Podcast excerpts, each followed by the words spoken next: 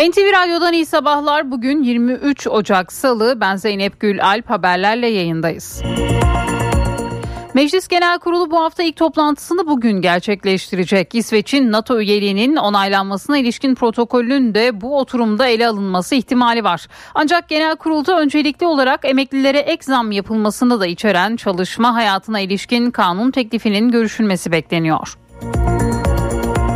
Dışişleri Bakanı Hakan Fidan Amerika Birleşik Devletleri'nin New York kentinde. Fidan Birleşmiş Milletler Güvenlik Konseyi'nde Orta Doğu ve Filistin başlıklı toplantıya katılacak.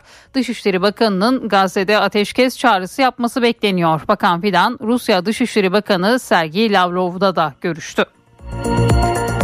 İsrail Hamas'a tüm rehinelerin serbest bırakılması karşılığında Gazze'de iki aylık geçici ateşkes önerdi. Hamas'tan ateşkes teklifine ilişkin yapılan açıklamada resmi teklifin henüz kendilerine ulaşmadığı belirtildi. Hamas daimi ateşkes istiyor, sınırlı teklifleri reddediyor ifadelerine yer verildi.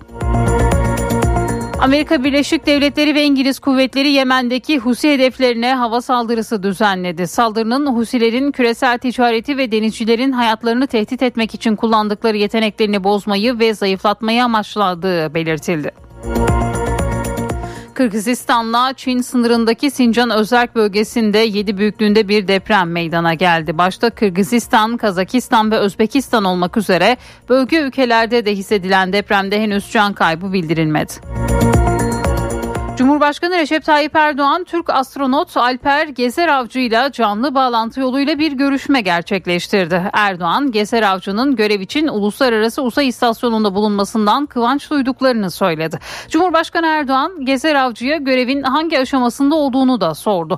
Yolculuğun ilk anından itibaren yaşadıklarını anlatan Gezer Avcı, burada deneyler yapıp sonuçları ülkemize getireceğim yanıtını verdi.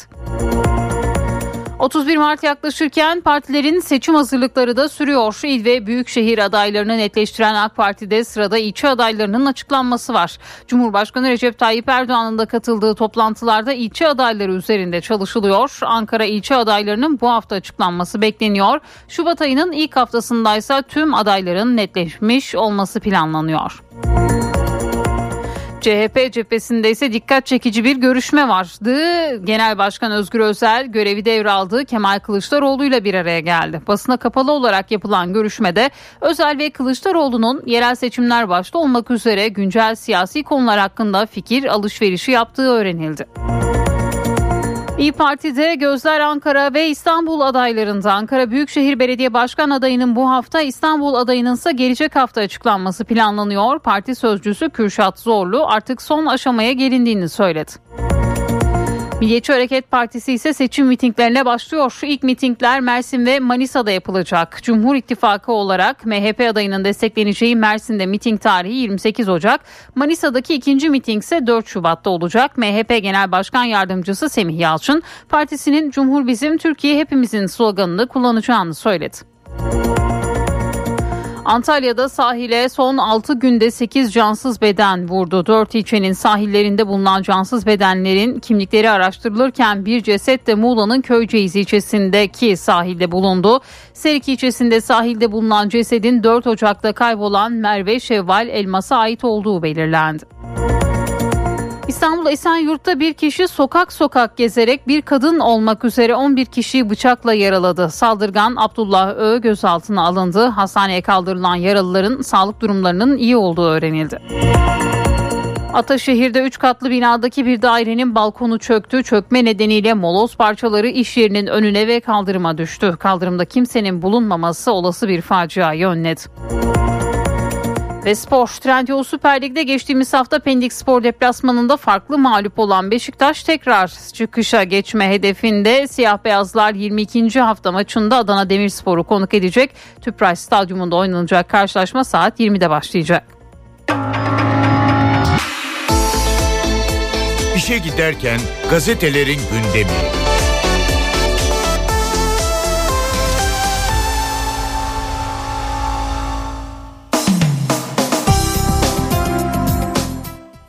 Sabahla başlıyoruz. Gençlerimize ilham oldun manşetini görüyoruz. Cumhurbaşkanı Erdoğan astronot Gezer Avcı ile canlı yayında konuştu. Seyahatinle birlikte uzay çalışmalarında da artık yeni bir dönemin kapısını araladık dedi Cumhurbaşkanı.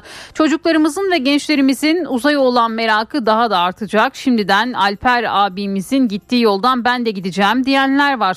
Sen ilk astronotumuz oldun ancak son olmayacaksın. Türkiye'de insanlı uzay görevi gerçekleştiren sayılı ülkeler arasında yerini aldı. Seninle kıvanç duyuyoruz. Görevini tamamlayıp yeryüzüne taşıdığın bayrağımızla dönmeni sabırsızlıkla bekliyorum dedi. Bir hayali gerçek yaptınız. Bir diğer başlık yine aynı haber içerisinde milyonları ekrana kilitleyen bağlantıda yeryüzünden 400 kilometre uzaklıkta yer çekimsiz istasyonda konuşan Gezer Avcı yıllarca uzayı başka milletlere ait olan bir rüya olarak kabul edip hayal dahi etmekten çekinen ben de dahil nice Türk gencine ve gelecek nesillerimize bu hayali gerçek haline getirerek hediye ettiniz. Ortaya koyduğunuz güçlü irade için size minnettarım Sayın Cumhurbaşkanım dedi Gezer Avcı da bu sözleri söyledi. Bir diğer başlık yine e, Sabah gazetesinden belediye onaylı ölüm villaları. Büyükçekmece'de 8 şüphelinin tutuklandığı rüşvet operasyonunda ilginç detaylar ortaya çıktı.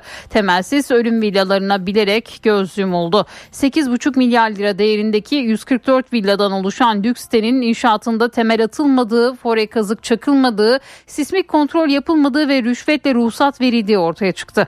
Ayrıca yapı denetim firmalarından sahte belge alındığı belirlendi. Bilirkişi Raporunda olası İstanbul depreminde bu sitenin yıkılabileceği vurgulandı deniliyor. Sabahın ilk sayfasında ehliyetsiz sürücü faciası iki ölü bir diğer haber İstanbul'da emniyet şeridindeki cinayet gibi kazada üç gençten ikisi öldü. Olay yerinden kaçan lüks cipin ehliyetsiz sürücüsü yakalandı. Maltepe D100 karayolunda arıza yaptığı için emniyet şeridine çekilen araca lüks bir cip son sürat çarptı. Kazada Hasan Yağcı ve Samet Çağıl yaşamını yitirdi. Kaçan sürücünün rezidansında uyuşturucu madde ve ruhsatsız silah bulundu deniliyor. Yine bu haberde sabahın ilk sayfasına taşınıyor bugün. Hürriyet o cesetlerin sırrı çözüldüğü manşetini atıyor bugün. Antalya sahillerinde 8, Muğla'da 1, Hatay'da 3 ve Kuzey Kıbrıs Türk Cumhuriyeti'nde 2 parçalanmış ceset bulunması seri katil mi göçmen faciası mı tartışmasına yol açtı. Hürriyete konuşan Antalya valisi Hulusi Şahin cesetlerin 7'sindeki ayakkabı ve kıyafetlerin üretim yeri Suriye dedi ve bu haberde bugün Hürriyet'in manşetindeydi. Partiye de sürpriz yaptı bir diğer başlık Selahattin Demirtaş'ın eşi Başak Demirtaş'ın partimiz uygun görürse İstanbul'dan Dem Parti adayı olabilirim açıklaması gündem yarattı. Dem Parti Grup Başkan Vekili Sezai Temelli benim için sürpriz oldu başvuru yaparsa seviniriz değerlendiririz dedi. Özel'den Demirtaş açıklaması yine bir diğer başlık hürriyetten CHP lideri Özel Demirtaş'ın İstanbul'da aday olabilirim sözlerini değerlendirdi. Her vatandaşın en doğal hakkı bu hakkı kullanmaya ilişkin irade beyanına herkes saygı duymalı diye konuştu ve bu haberde yine Hürriyet'in ilk sayfasında yer buldu. Milliyetin manşeti devam gelecek. Gezer Avcı'nın ISS'ten ilk görüşmesini gerçekleştirdiği Cumhurbaşkanı Erdoğan ilk astronotumuz oldun ama son olmayacaksın dedi. Ve bu haberde yine bugün sabah gazetesinde olduğu gibi Milliyet'in de manşetindeydi. Komando tipi, e, komando kar tipi dinlemiyor bir diğer başlık. Milli Savunma Bakanlığı sosyal medya hesaplarında komandoların zorlu kış şartlarında kar tipi altında dağ zirvelerinde yürüttüğü terörle mücadele operasyonlarından görüntü paylaşıp durmadan yorulmadan kahraman Mehmetçik en zorlu şartlarda en zorlu arazilerde terörle mücadelesine büyük bir azim ve kararlılıkla devam ediyor notunu düştü.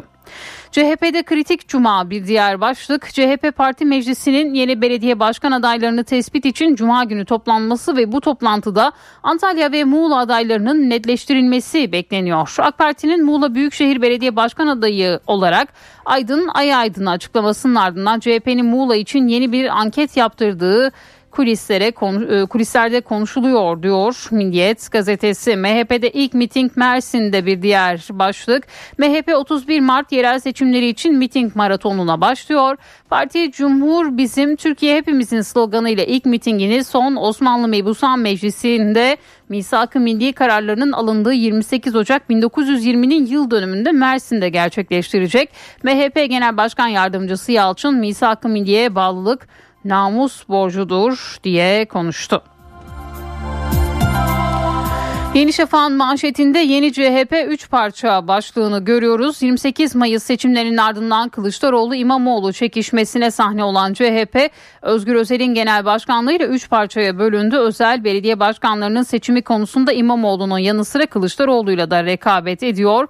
Son çatışma alanı CHP'nin Ankara'daki e, kalesi Çankaya diyor Yeni Şafak gazetesi bugün manşetinden.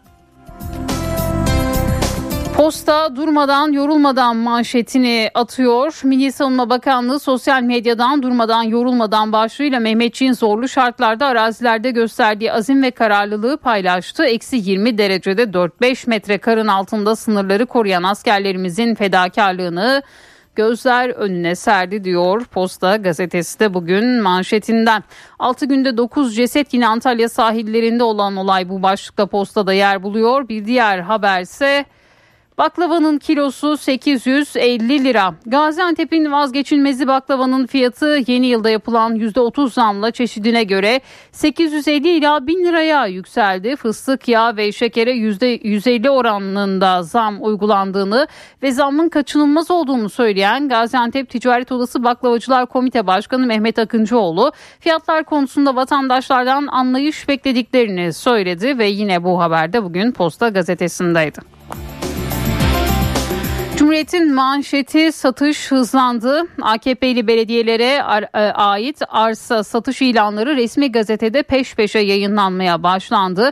Başta İstanbul'un ilçeleri olmak üzere çok sayıdaki kentte taşınmaz satışları için düğmeye basıldı. Son bir ayda ihaleye çıkarılan arsalar için istenen bedeller milyonlarca lira değerinde deniliyor. Bugün Cumhuriyet'te bir başlığı daha aktaralım. Anayasa Mahkemesi'ni tanımadı. Türkiye İşçi Partisi Milletvekili Can Atalay hakkındaki ihlal kararlarına uyulmamasıyla başlayan yargı krizi diğer mahkemelere de yansıdı. İstanbul'da İş Mahkemesi bir dosyada Anayasa Mahkemesi'nin özel hayatın gizliliğinin ihlal edildiği kararını ciddiye almadı diyor bugün Cumhuriyet gazetesi. Şimdi bir araya gidelim sonrasında devam edeceğiz.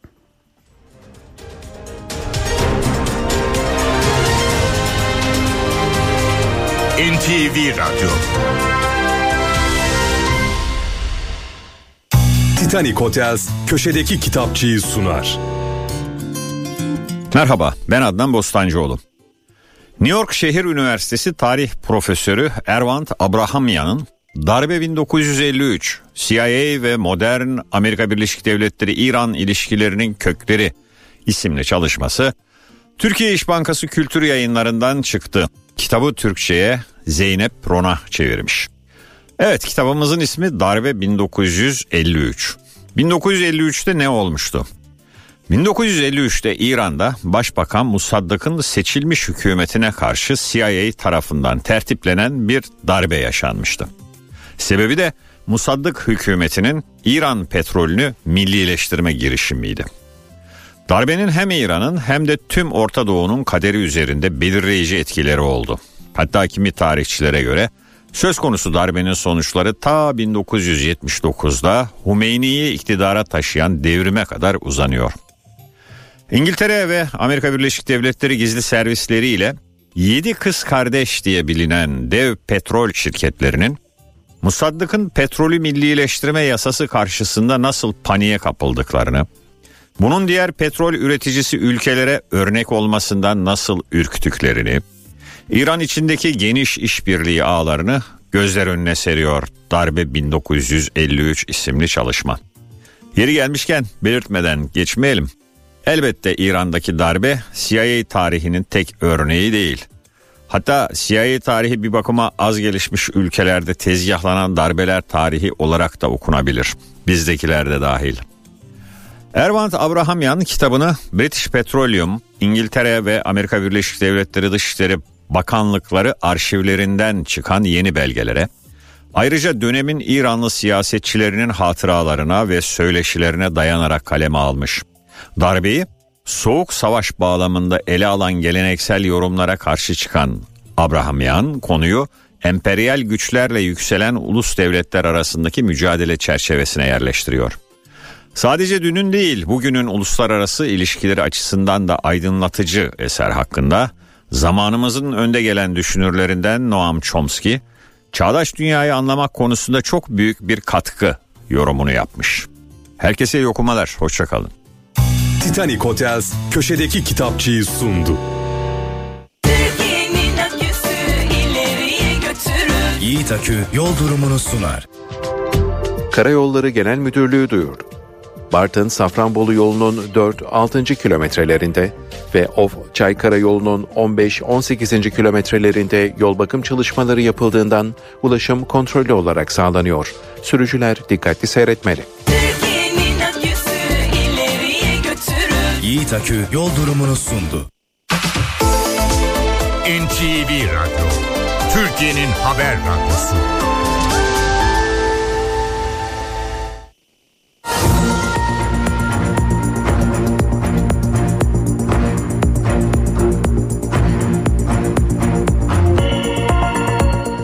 NTV Radyo'da haberleri aktarmayı sürdürüyoruz. Meclis Genel Kurulu bu hafta ilk toplantısını bugün gerçekleştirecek. İsveç'in NATO üyeliğinin onaylanmasına ilişkin protokolünde bu oturumda ele alınması ihtimali var. Ancak genel kurulda öncelikli olarak emeklilere ek zam yapılmasını da içeren çalışma hayatına ilişkin kanun teklifinin görüşülmesi bekleniyor. Protokolün kabul edilmesi için genel kurula katılan milletvekillerinin salt çoğunluğunun oyu gerekiyor.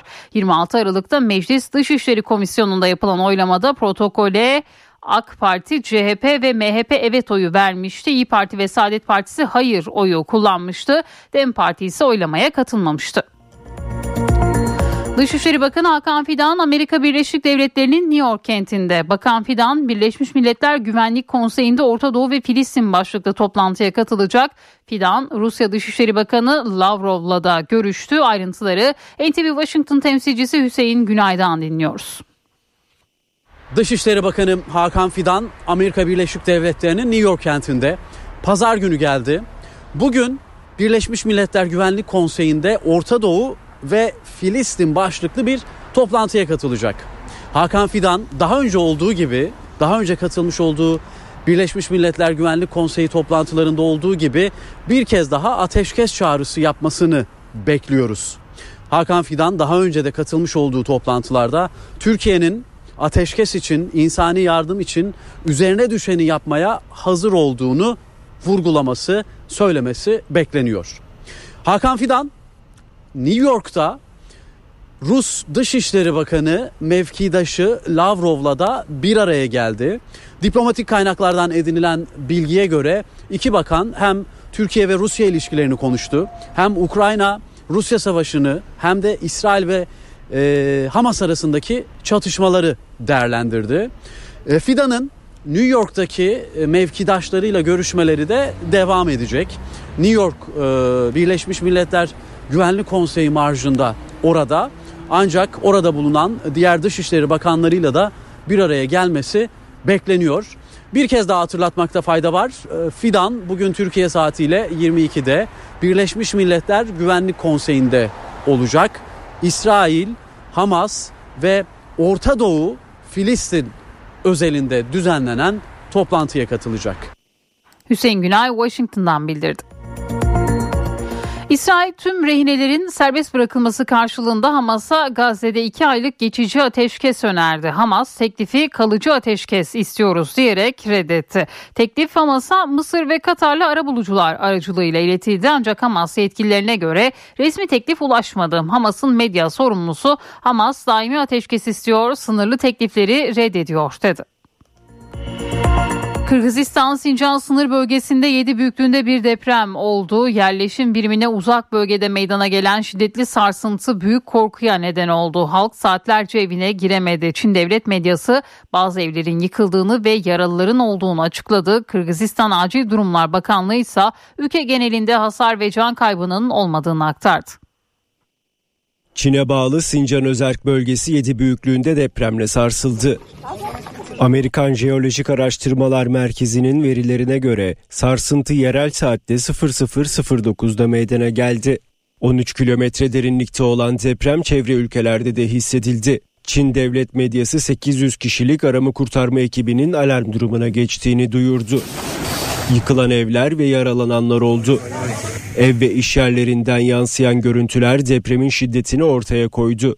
7 büyüklüğündeki depremden sonra onlarca artçı sarsıntı meydana geldi. Sincan Özerk bölgesinde eksi derecelerdeki havaya rağmen halk geceyi sokakta geçirdi. Depremin merkez üssüne 20 kilometre mesafede 5 köyün olduğu belirtildi. Bölgeye uzun süre elektrik verilemedi. Ulaşımda da aksamalar oldu. Deprem nedeniyle raylarda hasar gördü. Demiryolu ulaşımı yapılamadı. Kazakistan ve Kırgızistan'da da deprem paniğe neden oldu. Ancak bu iki ülkede de herhangi bir hasar veya can kaybı ihbarı yapılmadı. Cumhurbaşkanı Recep Tayyip Erdoğan uluslararası uzay istasyonunda görevini sürdüren ilk Türk astronot Alper Gezer Avcı ile dün görüştü. Gezer Avcı'nın 40 saat süren uzay yolculuğu ve istasyonda yaptığı çalışmalara ilişkin bilgi aldı. Alper hayırlı günler, hayırlı görevler. Ülkemiz tarihindeki bu ilk ve çok önemli vazifeyi yerine getirmek için çıktığın yolda sana başarılar diliyorum. Cumhuriyetimizin 100. yılında Türkiye yüzyılına adım atarken bu önemli ve anlamlı görevde ülkemi temsil etmenin ve bayrağımızı uluslararası uzay istasyonunda taşımanın gururunu yaşıyorum.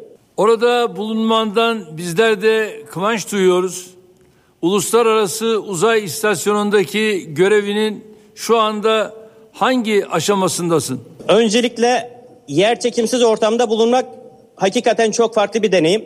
Deney düzeneklerimizi uzay istasyonuna olan uçuşu gerçekleştirdiğimiz Dragon kapsülünden istasyon içerisindeki deney öncesi muhafaza konumlarına naklederek bu önemli ilk adımı tamamladım. Bunun ardından da bahsettiğim planlı takvim dahilinde deneylerimize başladım. Şu an dünyadan yaklaşık 400 kilometre uzaklıkta yer çekimsiz ortamdasın.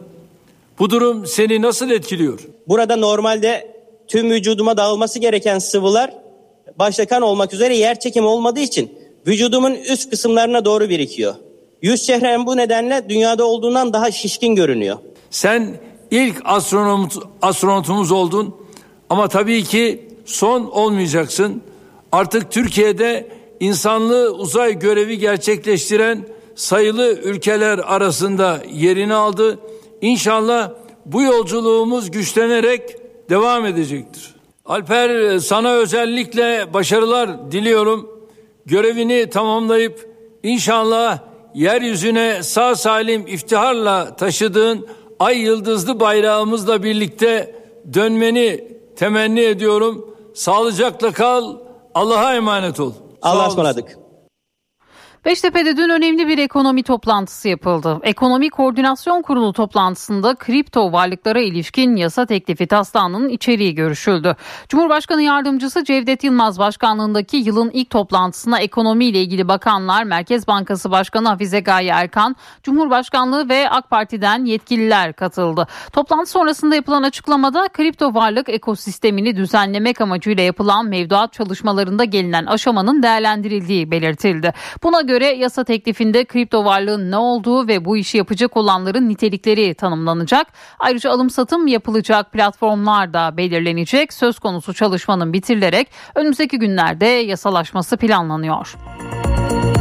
Bu hafta bir önemli toplantıda Merkez Bankası'nda olacak. Perşembe günü yılın ilk faiz kararları açıklanacak. Faizin 8. ve son kez artırılması bekleniyor. Toplantının ardından 2,5 puanlık faiz artışına gidilmesi ve politika faizinin %45'e çıkması hedefleniyor. Merkez Bankası Aralık ayı karar metninde faiz artışlarının sonuna yaklaşıldığı mesajını vermişti. Metinde kurul parasal sıkılaştırma adımlarını en kısa zamanda tamamlamayı öngörmektedir. Değerlendirmesi yapılmıştı. Merkez Bankası Bankası Haziran 2023'ten bu yana toplam 7 toplantıda 34 puan faiz artırdı. NTV Radyo İl ve büyükşehir adaylarını netleştiren AK Parti'de sırada ilçe adaylarının açıklanması var. Cumhurbaşkanı Recep Tayyip Erdoğan'ın da katıldığı toplantılarda ilçe adayları üzerinde çalışılıyor. Ankara ilçe adaylarının bu hafta açıklanması bekleniyor. Şubat ayının ilk haftasındaysa tüm adayların netleşmiş olması planlanıyor. İl belediye başkan adaylarının tanıtımı bitti. Şimdi sırada ilçe belediye başkan adayları var. AK Parti'de seçim çalışmaları sürüyor. Cumhurbaşkanı Recep Tayyip Erdoğan, AK Parti Genel Merkezi'ndeki mesaisini sürdürdü. Erdoğan'ın başkanlık yaptığı üst kurul toplantısında Ankara, Gaziantep, Van ve Adana'nın ilçe belediye başkan adayları ele alındı. AK Parti, Ankara ve İzmir'in ilçe belediye başkan adayları için de hazırlıklarını sürdürüyor. Ankara ilçe adaylarının çarşamba ya da perşembe günü açıklanması bekleniyor. Muhtemelen bu hafta yetişmezse de önümüz haftanın e, ilk günlerinde bitireceğiz. Şubat'ın ilk haftasının sonunda e, artık il, ilçe e, ölçeğinde bütün e, belediye başkanı adaylarımızın e, çok kısa bir süre içerisinde belirleyecek. AK Parti'de yeniden Refah Partisi ve Büyük Birlik Partisi ile ittifak görüşmeleri de sürüyor. İşbirliği görüşmelerinde partiler tabii e, mümkün mertebe kendi menfaatlerini, kendi e, hedefledikleri amaçları, kendi parti tabanlarının karşılık yani talep ettiği şeyleri o masaya getiriyorlar tabii. tabii. Bu süreç içerisinde de e, bu talepler gündeme geldiğinde e, bunlar müzakere ediliyor tabii yani şu aşamada tıkanmış, şu aşamada çözümsüz bir sorun yok. AK Parti seçim beyannamesini ise 30 Ocak'ta Ankara'da açıklayacak. Beyannamede partinin yol haritası seçmene anlatılacak. 8 başlıktan oluşan beyannamenin depreme dirençli güvenli şehirler temasıyla sunulması bekleniyor.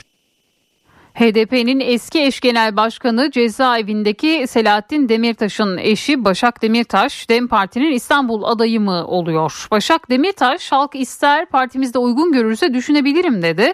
Gözler CHP'ye çevrildi. Genel Başkan Özgür Özel bu irade beyanına herkes saygı duymalı ama gerçekleşmemiş bir adaylık üzerinden şimdi konuşmam dedi. Başak Hanım'ın her Türkiye Cumhuriyeti vatandaşının hakkı olan seçme ve seçilme hakkını kullanmayla ilgili kendisine ilişkin irade beyanı herkesin saygı duyması gereken bir yaklaşımdır. Ama bundan önce bize karşı yapılan saygısız bütün saldırıları boşa düşürmesi açısından da son derece önemlidir. HDP eski eş genel başkanı cezaevindeki Selahattin Demirtaş'ın eşi Başak Demirtaş, DEM Parti'den İstanbul Büyükşehir Belediye Başkan adayım olacak. Demirtaş'ın halk ister, partimizde uygun görürse demokrasi ve toplumsal barışın önünü açacağına inanırsak düşünebiliriz açıklaması siyasetin gündeminde. DEM Parti'den açıklama sevindirici, son kararı parti yönetimimiz verecek yorumu geldi. Peki olası adaylık İstanbul'daki seçim yarışını nasıl etkiler? Şartlı durumlar gerçekleşmemiş bir adaylık üzerinden bir şey konuşmak mümkün değil ama Cumhuriyet Halk Partisi olarak meseleye şöyle bakıyoruz. Ekrem İmamoğlu'nun İstanbul Büyükşehir Belediye Başkanlığı İstanbul'a ve İstanbulluya iyi geldi. Sadece Cumhuriyet Halk Partililere iyi gelmedi. CHP'de bir yandan da kritik iller için aday mesaisi sürüyor. Cuma günü yapılacak MYK ve parti meclisi toplantılarında İzmir ve Antalya başta olmak üzere Muğla, Denizli, Kocaeli, Edirne gibi önemli kentlerin ve pek çok ilçenin adaylarının netleştirilmesi bekleniyor. İzmir'de mevcut başkan Tunç Soyer, Bornova eski belediye başkanı Olgun Atilla, Buğra Gökçe ve Karşıyaka Belediye Başkanı Cemil Tugay isimlerinin İzmirlilere bir kez daha sorulduğu, çıkacak sonuca göre hareket edileceği belirtiliyor. Selçuk Belediye Başkanı Filiz Senger'in ismi de geçiyor. İki hafta önce yapılan MYK'da Antalya için Muhittin Böcek ismine onay çıkmış ancak ismi parti meclisinin onayına sunulmamıştı. DEM Parti'nin muhalefeti nedeniyle Muratpaşa Belediye Başkanı Ümit Uysal'ın bir adım önde olduğu kulislere yansıyan bilgiler arasında. CHP'nin kare gibi gördüğü Kadıköy, Bakırköy, Beşiktaş, Şişli gibi ilçelerinde adayların açıklanacağı belirtiliyor. İyi Parti'nin Ankara adayının bu hafta İstanbul adayının da gelecek hafta açıklanması bekleniyor. Parti sözcüsü Kürşat Zorlu artık son aşamaya gelindiğini söyledi. Tek başına girme kararımızın ardından buz kırıldı, yol açıldı. Ankara İstanbul'a gelince e, şu kadarını söyleyebilirim. Son artık aşamaya gelindi. İki büyük şehrimiz konusunda da çalışmalar neredeyse tamamlandı. İyi Parti'de gözler Ankara ve İstanbul adaylarında. Ankara Büyükşehir Belediye Başkan adayının bu hafta, İstanbul adayının ise gelecek hafta açıklanması planlanıyor. Ankara adayının eski Ankara Gücü Başkanı Cengiz Topel Yıldırım olacağı belirtiliyor. Günler içerisinde e, birkaç gün sürebilir belki Ankara adayımızı milletimizin takdirlerine sunacağız. Sonra da İstanbul adayımızı açıklayacağız. Parti sorusu Kürşat Zorlu'nun gündeminde işçi ve Bağkur emeklilerine yapılacak %5'lik ilave artış ve düşük emekli maaşının 10 bin liraya çıkarılması da vardı. Sayın Erdoğan bu seneyi emekli yılı ilan etti. Ya bakalım daha ne ödüller verecek emekleri hep birlikte göreceğiz. Geçen yıl 7500 TL ile geçinemediğinden dert yanan emeklilerin aylığı 10 bin TL'ye çıktı ve gerçekleşen artış oranı nedir? %33,3. Oysa bu yıl enflasyon neydi? %64,8. Milliyetçi Hareket Partisi ise seçim mitinglerine başlıyor. İlk mitingler Mersin ve Manisa'da yapılacak. Cumhur İttifakı olarak MHP adayının destekleneceği Mersin'de miting tarihi 28 Ocak. Manisa'daki ikinci miting ise 4 Şubat'ta. MHP Genel Başkan Yardımcısı Semih Yalçın partisinin Cumhur bizim Türkiye hepimizin sloganını kullanacağını söyledi. İstanbul'da İstiklal Caddesi'nde 13 Kasım 2022'de 6 kişinin hayatını kaybettiği 99 kişinin de yaralandığı terör saldırısına ilişkin dava sürüyor. Mahkeme 3 sanığın tahliyesine bombalı saldırının faili Ahlam Elbeşir'in ise tutukluluk halinin devamına karar verdi. 36 sanığın yargılandığı davada tahliyelerle birlikte tutuklu sanık sayısı 15'e düştü. Bombayı İstiklal Caddesi'ne götüren Suriye uyruklu Elbeşir için 7 kez ağırlaştırılmış müebbet ve 3000 yıla kadar hapis cezası talep ediliyor. İddianamede saldırının PKK terör örgütünün Suriye kolu YPG-PYD terör örgütü tarafından gerçekleştirildiği yer alıyor. Kripto para borsası TODEX'e yönelik ikinci soruşturma da tamamlandı. Kurucu Faruk Fatih Özer'in de arasında olduğu 7'si tutuklu 21 sanık hakkında 11.462 yıla kadar hapis istendi. İstanbul Anadolu Cumhuriyet Başsavcılığı binlerce kişinin mağdur edildiği kripto para borsası TODEX'e ilişkin ikinci soruşturmayı da tamamladı. 94 milyon liralık vurgun yapıldığı tespit edildi. TODEX'in kurucusu Faruk Fatih Özer'in aralarında bulunduğu 21 kişi nitelikli dolandırıcılık, örgüt kurmak ve yönetmekle suçlandı. Haklarında 11.462 yıla kadar hapis cezası istendi. Hazırlanan raporda mağdurların parasının büyük kısmının kripto paraya dönüştürülerek yurt dışındaki borsalara aktarıldığı belirtildi. Şüphelilerin ayrıca yakınları üzerine bir altın şirketi kurduğu, hiçbir faaliyeti olmayan bu şirket aracılığıyla fiziki altın alındığı tespit edildi. TODEX'in kurucusu Faruk Fatih Özer, kırmızı bültenle aranırken geçen yıl Ağustos ayında Arnavutluk'ta yakalanmıştı. İlk soruşturma ile ilgili açılan dava 7 Eylül 2023'te karara bağlanmıştı. Faruk Fatih Özer, Güven Özer ve Serap Özer nitelikli dolandırıcılık, örgüt kurma, yönetme ve örgüte üye olmak suçlarından 11 bin yıl hapis cezasına çarptırılmıştı. 16 sanıksa nitelikli dolandırıcılık suçundan delil yetersizliği gerekçesiyle beraat etmişti. Mahkemenin ikinci iddianameyi kabul etmesinin ardından davanın görülmesine başlanacak. Antalya kıyılarında bir hafta içinde bulunan cansız beden sayısı 8 oldu. O cansız bedenlerden birinin 18 yaşındaki kayıp üniversite öğrencisi Merve Şevval Elmas'a ait olduğu belirlendi. Diğer cansız bedenlerin ise batan bir gemideki kaçak göçmenler olduğu değerlendiriliyor. İncelemeler sürerken Muğla'da da denizden bir ceset çıkarıldı. DNA testinde ortaya çıkacağını söylediler. Ben burada DNA testi vermek için geldim. DNA testi sonuçları sahilde bulunan cansız bedenin Merve Şevval'e ait olduğunu ortaya çıkardı. Babasından alınan örnekler 18 yaşındaki kayıp kızın DNA örnekleriyle eşleşti. Merve Şevval Elmas, Antalya Üniversitesi Gastronomi Bölümü 1. sınıf öğrencisiydi. 4 Ocak günü kaybolan kızın Düden Şelalesi'nin denizle buluştuğu noktaya tek başına gittiği tespit edilmişti. Bu nedenle Antalya kıyılarına vuran cansız bedenlerden birinin ona ait olabileceği ihtimali değerlendiriliyordu. DNA testi için İstanbul'dan Antalya'ya giden babası Adli Tıp Kurumu'ndan gelen haberle büyük üzüntü yaşadı. Genç kızın ölümüyle ilgili soruşturma sürüyor. Antalya sahillerinde son bir haftada 8 cansız beden bulundu. Diğer cansız bedenlerin bir kaçak teknesinin batması sonucu ölenlere ait olabileceği üzerinde duruluyor. İçişleri Bakanı Ali Yerlikaya olayla ilgili açıklamasında Lübnan'la Suriye arasındaki sahil bölgesinden geçen ay yola çıkan ve 90 kişiyi taşıyan bir teknenin kaybolduğuna dikkat çekti. Cansız bedenlerin akıntı, rüzgar ve dalga sebebiyle Antalya kıyı hatlarına sürüklenebileceği ihtimali değerlendirilmektedir dedi.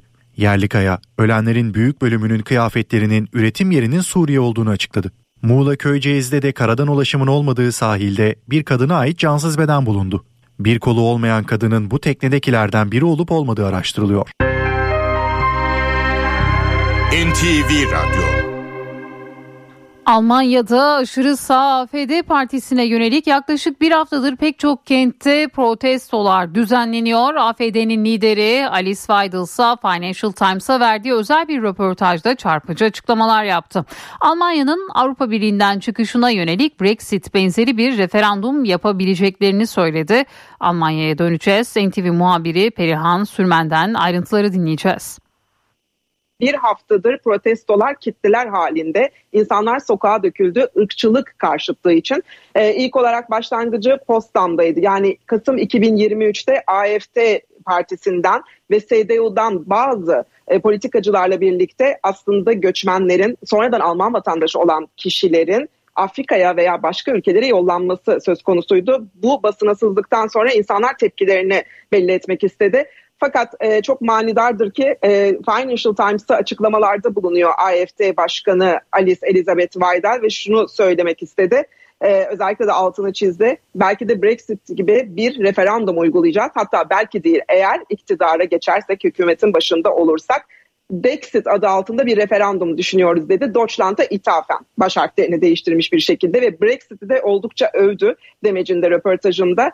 Yani Britanya'yı Birleşik Krallığı haklı buluyorum, yaptığını doğru buluyorum, Avrupa Birliği'nden çıkmaları doğruydu dedi. Eğer iktidara gelirsek Avrupa Birliği'nde bazı reformlar uygulayacağız ama Avrupa Birliği kendi kendini yenileyebilecek, reformlar uygulayabilecek bir topluluk değil. Artık biz bu topluluğu demokratik bir topluluk olarak görmüyoruz.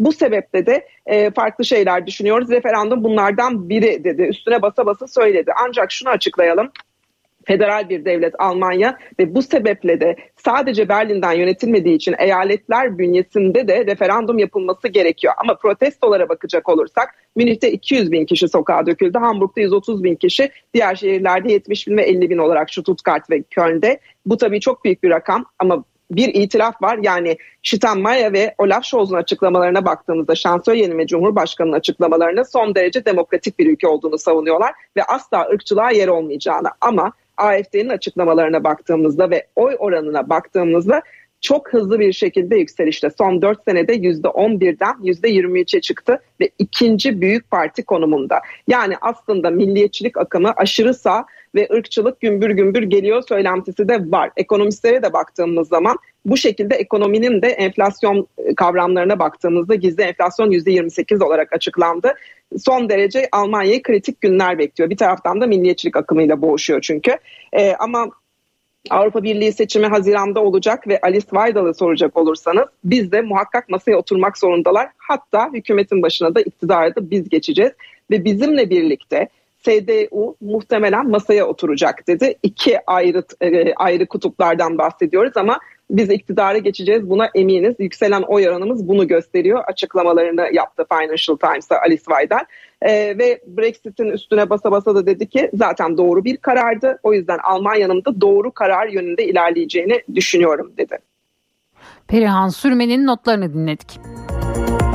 Ara tatilde kış turizminin gözde yerlerinde oteller ve pistler doldu. Uludağ, Erciyes ve Palandöken'de yoğunluk yaşanıyor. Tek çocuklu bir ailenin bir haftalık tatili ise konaklama yerine göre 150 bin lirayı geçebiliyor. Kış turizmi merkezlerinde yoğunluk artıyor. Ara tatilde ailelerin en çok tercih ettiği noktalar arasında Uludağ, Erciyes ve Palandöken var. Uludağ'a ulaşmak isteyenler hafta sonundan itibaren teleferikte yüzlerce metre kuyruk oluşturdu. Ordu Fatsa'dan e, geldik. Bursa'nın beyaz cennetini görmek için bayağı bir yoğun ve kalabalık. Yaklaşık bir, bir buçuk saat zaman diliminde bekledik. E, bundan dolayı biraz şikayetçiyiz evet ama sonunda e, doğanın güzel, bembeyaz yerlerini keşifteyiz. Çok zevkli. Kar kalınlığının yarım metreyi bulduğu Uludağ'da oteller, pistler dolu. Misafirhanelerdeki tek kişi tam pansiyon fiyatı 1000 ila 1500 lira arasında. Otellerdeki fiyatlarsa gecelik kişi başı 3000 ila 40 bin lira arasında değişiyor. Tek çocuklu ailenin bir haftalık tatili ise 150 bin lirayı geçebiliyor.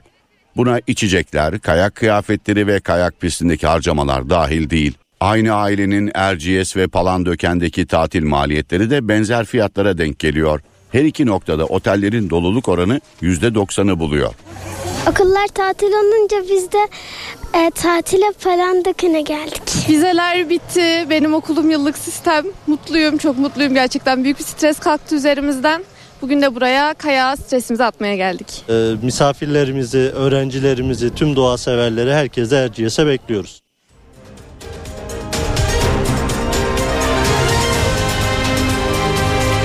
NTV Radyo HDI Sigorta İstanbul'un yol durumunu sunar. İstanbul'da trafikte yoğunluk haritası %47'yi gösteriyor. 15 Temmuz Şehitler Köprüsü'ne giderken Anadolu'dan Avrupa'ya geçişte Çamlıca Üsküdar arasında Fatih Sultan Mehmet Köprüsü'ne giderken de Ataşehir Elmalı arasında yoğunluk var. Her iki köprüde de Anadolu'dan Avrupa'ya geçişte yoğunluk gözleniyor. Avrasya Tüneli çift taraflı açık. Avrupa yakasına gelindiğinde yoğunluk E5'te Avcılar'dan Tem'de ise Bahçeşehir'den başlıyor. İyi yolculuklar. HDI Sigorta İstanbul'un yol durumunu sundu. Üstün Alman teknolojisiyle üretilen Düfa Boya spor haberlerini sunar.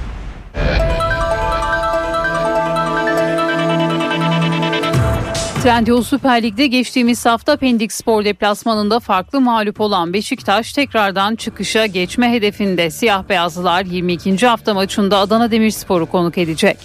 Beşiktaş Trendyol Süper Lig'de yeniden çıkış arıyor.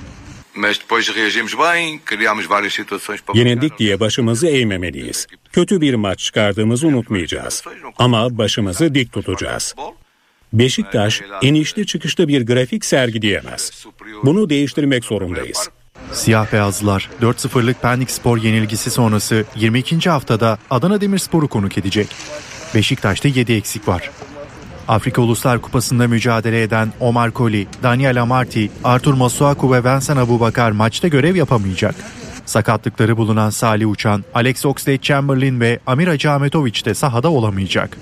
Fernando Santos'un takımını Mert, Svensson, Tayyip, Zaynutdinov, Umut, Necip Demirege, Raşitsa, Jetson, Semih ve Cenk 11 ile sahaya sürmesi bekleniyor. Ligde oynadığı 21 maçta 11 galibiyet, 2 beraberlik ve 8 yenilgi yaşayan Beşiktaş haftaya 35 puanla 4. sırada girdi. Adana Demirspor ise 7 galibiyet, 9 beraberlik ve 6 mağlubiyetle 30 puana sahip ve 6. sırada yer alıyor. Tüpraş Stadyumunda oynanacak karşılaşma saat 20'de başlayacak. Maçı hakem Atilla Karaoğlan yönetecek. Trendyol Süper Lig'de 21. hafta dün oynanan Kayseri Spor İstanbul Spor maçıyla sona erdi. Haftanın sonuçları şöyle. Kasımpaşa 3, Hatay Spor 0, Karagümrük 1, Başakşehir 1, Alanya Spor 2, Rize Spor 1, Pendik Spor 4, Beşiktaş 0. Adana Demirspor 1, Ankara Gücü 1, Sivas Spor 2, Gaziantep 2, Konya Spor 1, Antalya Spor 1, Fenerbahçe 1, Samsun Spor 1, Trabzonspor 1, Galatasaray 5, Kayseri Spor 0, İstanbul Spor 1. Fenerbahçe bir kez daha Fred'den yoksun kalacak. Brezilyalı futbolcu en az bir ay forma giyemeyecek. Fred Samsun Spor maçının son bölümünde sakatlandı. Brezilyalı futbolcunun sağ bacak uyluk ön bölgesindeki tendonun yırtıldığı belirlendi. Tedavisine başlanan Fred 4 ila 6 hafta sahalardan uzak kalacak. Brezilyalı futbolcu Kasım ayında da sakatlanmış. 3'ü Süper Lig, ikisi Konferans Ligi olmak üzere 5 maçta forma giyememişti. Fenerbahçe Fred'den yoksun çıktığı 3 lig maçında 5 puan kaybetmişti. Trabzonspor'dan ayrılan Anastasios Bakasetas'ın yeni adresi belli oldu. Yunan futbolcu ülkesinin takımlarından Fatih Terim yönetimindeki Panathinaikos'a transfer oldu. Bordo Mavili Kulübü 2020-2021 sezonunun devre arasında Alanya Spor'dan 3 milyon euro bonservis bedeli karşılığında transfer olan Yunan futbolcu 122 resmi maçta forma giyerken rakip fileleri 33 kez havalandırdı. 30 yaşındaki futbolcu Trabzonspor'la bir Süper Lig bir de Süper Kupa şampiyonluğu yaşadı. Fatih Terim yönetimindeki Panathinaikos Yunanistan Ligi'nde averaj farkıyla ikinci sırada bulunuyor. Yeşil Beyazlı kulüp daha önce Süper Lig'den Samet Akaydın'ı transfer etmişti. Dayanıklı, kolay sürülen, kapatıcılığı yüksek Düfa Boya spor haberlerini sundu. Habere bir müzik arası. Tasarımlarıyla ilham veren Fuga Mobilya'nın sizin için seçtiği şarkıyı dinliyorsunuz.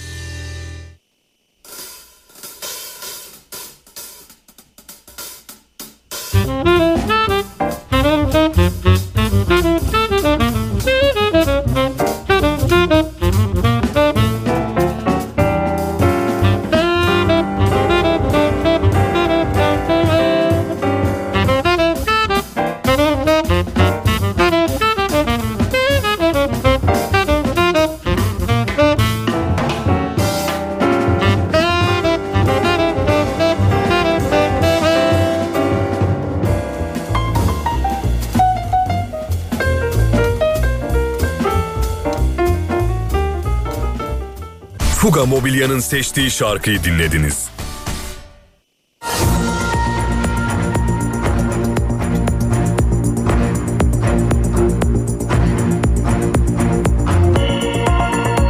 Saat 8 Türkiye ve Dünya gündeminde bu saate kadar öne çıkan başlıklara bir haber turuyla bakalım.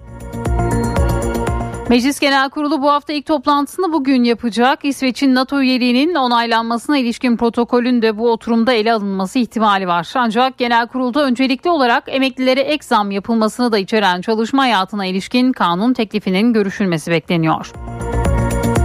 Dışişleri Bakanı Hakan Fidan Amerika Birleşik Devletleri'nin New York kentinde Fidan Birleşmiş Milletler Güvenlik Konseyi'nde Orta Doğu ve Filistin başlıklı toplantıya katılacak. Dışişleri Bakanı'nın Gazze'de ateşkes çağrısı yapması bekleniyor. Fidan Rusya Dışişleri Bakanı Lavrov'la da görüştü.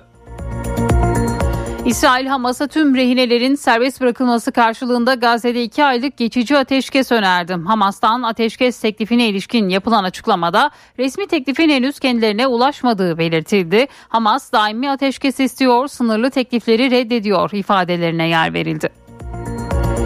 Amerikan ve İngiliz kuvvetleri Yemen'deki Husi hedeflerine hava saldırısı düzenledi. Saldırının Husilerin küresel ticareti ve denizcilerin hayatlarını tehdit etmek için kullandıkları yeteneklerini bozmayı ve zayıflatmayı amaçladığı belirtildi. Kırgızistan'la Çin sınırındaki Sincan Özerk bölgesinde 7 büyüklüğünde bir deprem oldu. Başta Kırgızistan, Kazakistan ve Özbekistan olmak üzere bölge ülkelerde de hissedilen depremde can kaybı bildirilmedi. Cumhurbaşkanı Recep Tayyip Erdoğan, Türk astronot Alper Gezer Avcı ile canlı bağlantı yoluyla bir görüşme yaptı. Erdoğan, Gezer Avcı'nın görev için uluslararası uzay istasyonunda bulunmasından kıvanç duyduklarını söyledi. Cumhurbaşkanı Erdoğan, Gezer Avcı'ya görevin hangi aşamasında olduğunu sordu. Yolculuğun ilk anından itibaren yaşadıklarını anlatan Gezer Avcı, burada deneyler yapıp sonuçlarını ülkemize getireceğim yanıtını verdi. 31 Mart yaklaşırken partilerin seçim hazırlıkları da sürüyor. İl ve büyükşehir adaylarını netleştiren AK Parti'de sırada ilçe adaylarının açıklanması var. Cumhurbaşkanı Recep Tayyip Erdoğan'ın da katıldığı toplantılarda ilçe adayları üzerinde çalışılıyor. Ankara ilçe adaylarının bu hafta açıklanması bekleniyor. Şubat ayının ilk haftasındaysa tüm adayların netleşmiş olması planlanıyor. CHP cephesinde ise dikkat çekici bir görüşme gerçekleşti. Genel Başkan Özgür Özel görevi devraldığı Kemal Kılıçdaroğlu ile bir araya geldi. Basına kapalı yapılan görüşmede Özel ve Kılıçdaroğlu'nun yerel seçimler başta olmak üzere güncel siyasi konular hakkında fikir alışverişi yaptığı öğrenildi. İyi Parti'de ise gözler Ankara ve İstanbul adaylarında. Ankara Büyükşehir Belediye Başkan adayının bu hafta, İstanbul adayının ise gelecek hafta açıklanması planlanıyor. Parti sözcüsü Kürşat Zorlu artık son aşamaya gelindiğini söyledi. Milliyetçi Hareket Partisi ise seçim mitinglerine başlıyor. İlk mitingler Mersin ve Manisa'da yapılacak. Cumhur İttifakı olarak MHP adayının destekleneceği Mersin'deki miting tarihi 28 Ocak. Manisa'daki ikinci miting ise 4 Şubat'ta. MHP Genel Başkan Yardımcısı Semih Yalçın partisinin Cumhur bizim, Türkiye hepimizin sloganını kullanacağını söyledi. Antalya'da sahile son 6 günde 8 cansız beden vurdu. 4 ilçenin sahillerinde bulunan cansız bedenlerin kimlikleri araştırılırken bir ceset de Muğla'nın Köyceğiz ilçesindeki sahilde bulundu. Serik ilçesinde sahilde bulunan cesedin 4 Ocak'ta kaybolan Merve Şevval Elmas'a ait olduğu belirlendi. İstanbul Esenyurt'ta bir kişi sokak sokak gezerek bir kadın olmak üzere 11 kişiyi bıçakla yaraladı. Saldırgan Abdullah Ö gözaltına alındı. Hastaneye kaldırılan yaralıların sağlık durumlarının iyi olduğu öğrenildi. Ataşehir'de 3 katlı binadaki bir dairenin balkonu çöktü. Çökme nedeniyle moloz parçaları iş yerinin önüne ve kaldırıma düştü. Kaldırımda kimsenin bulunmaması olası bir faciayı önledi. Trendyol Süper Lig'de geçtiğimiz hafta Pendik Spor deplasmanında farklı mağlup olan Beşiktaş tekrar çıkışa geçme hedefinde siyah beyazlılar 22. hafta maçında Adana Demirspor'u konuk edecek Tüpraş Stadyumunda oynanacak karşılaşma saat 20'de başlayacak.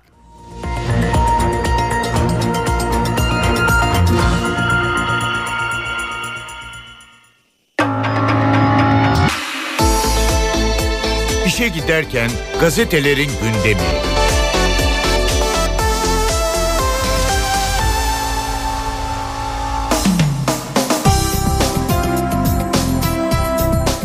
Sabahla başlıyoruz. Gençlerimize ilham oldun manşetini atıyor bugün sabah gazetesi. Cumhurbaşkanı Erdoğan astronot Gezer Avcı ile canlı yayında konuştu. Seyahatinle birlikte uzay çalışmalarında da artık yeni bir dönemin kapısını araladık dedi. Çocuklarımızın ve gençlerimizin uzaya olan merakı daha da artacak. Şimdiden Alper abimizin gittiği yoldan ben de gideceğim diyenler var. Sen ilk astronotumuz oldun ancak son olmayacaksın. Türkiye'de insanlı uzay görevi gerçekleştiren sayılı ülkeler arasında yerini aldı. Seninle kıvanç duyuyoruz. Görevini tamamlayıp yeryüzüne taşıdığın bayrağımızla dönmeni sabırsızlıkla bekliyorum dedi Cumhurbaşkanı.